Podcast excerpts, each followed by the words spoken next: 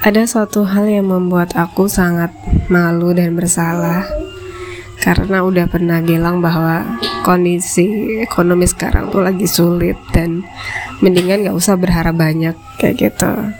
Sebenarnya omonganku itu berdasar kenapa? Karena dari Desember tahun lalu sampai ya sampai sekarang-sekarang inilah itu banyak orang tua itu yang telat-telat bayar.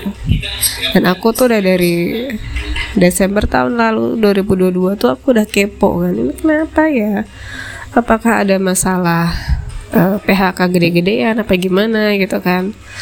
Aku cari tuh di Twitter dari awal tahun 2023 ini dan aku tuh nggak nemu satupun berita yang menyatakan bahwa kondisi ekonomi Indonesia itu lagi sulit. Nggak ada yang aku temukan itu justru tweetnya orang secara personal gitu.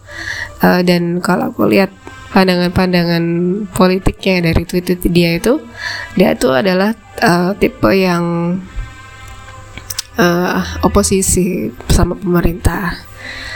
Nah itu ya udah gitu kan. Aku pikir oh ya udah kondisi ekonomi lagi sulit. Dan aku browsing juga untuk industri tekstil sekarang-sekarang itu emang sus lagi sulit dan di area rumah tempat tinggalku memang banyak pabrik tekstil dan itu emang terbukti bahwa uh, ada pabrik sarung lumayan besar. Itu ribuan karyawannya tuh di PHK terus juga di sini ada pabrik tekstil yang dulu kalau ada orang jadi karyawan pabrik itu udah dicap sebagai calon mantu idaman sekarang sekarang ini pun kondisinya sering lockdown. Ya udah gitu dari situ aku udah menyimpulkan ya udah nggak usah berharap terlalu banyak dibayar tepat waktu bahkan mungkin diniatin aja buat ibadah ya gitu kan. Cuman waktu itu aku tertampar sama salah satu tweet orang di mana dia mengatakan bahwa kenapa orang pesimis? Dulu waktu kita pandemi yang benar-benar kondisi ekonomi itu uh, sangat terpuruk. Udah terbukti sangat terpuruk. Tapi bank itu justru mencutut laba besar gitu dan mencatat pembukuan simpanan masyarakat yang sangat besar gitu. Dan itu aku kaget luar biasa. Aku langsung ingat oh iya waktu pandemi uh, keluarga aku tuh alhamdulillah income kami tuh justru naik berkali-kali lipat 4 sampai 5 kali lipat dan itu cuma dari suamiku doang yang kerja. Aku di rumah hamil melahirkan sampai anakku usia uh, hampir 2 tahun aku nggak kerja sama sekali. Suamiku yang nyukupin semuanya. Ya tentunya lewat izin Allah ya.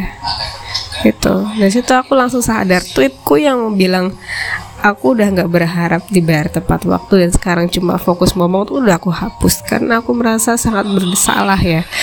Oh iya dan tahu nggak sih? Ada keajaiban loh teman-teman. Jadi ini awal bulan itu banyak banget yang udah bayar. Jadi yang nggak bayar itu cuma aku hitung itu cuma sisa 12 anak.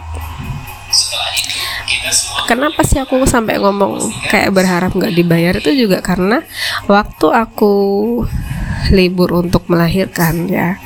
Dari bulan Maret sampai sampai Juli kemarin itu yang belum bayar sampai 20 orang lebih loh.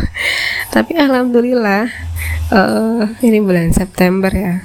Yang belum bayar Agustus itu cuma 12-an anak gitu loh. Dan itu kalau di jumlahin ya memang lumayan. Tapi ya udah gitu nggak yang besar-besar banget gitu tuh sih. Dan aku ya udah aku menyadari aku salah. Udah berpikir bahwa rezekiku tergantung sama kondisi ekonomi negara ini. Aku salah besar dan alhamdulillah setelah aku menyadari itu ya orang tua pada bayar gitu. Ya udah saatnya kita uh, apa ya fokus ke usaha memang bagus gitu kan. Karena memang ketika aku menyadari bahwa uh, lebih baik aku fokus ngomong anak dan udahlah mau kayak gimana hasilnya juga. Yang penting uh, aku jangan sampai terpengaruh. Eh, oh ini belum bayar belum bayar aku jadi pusing. Nggak. Ya aku lakukan memang uh, aku menyadari bahwa kondisi ekonomi terpuruk tapi aku juga tetap menjaga kualitas pengajaran. Gitu. Jadi uh, semuanya jangan sampai berkurang gitu loh.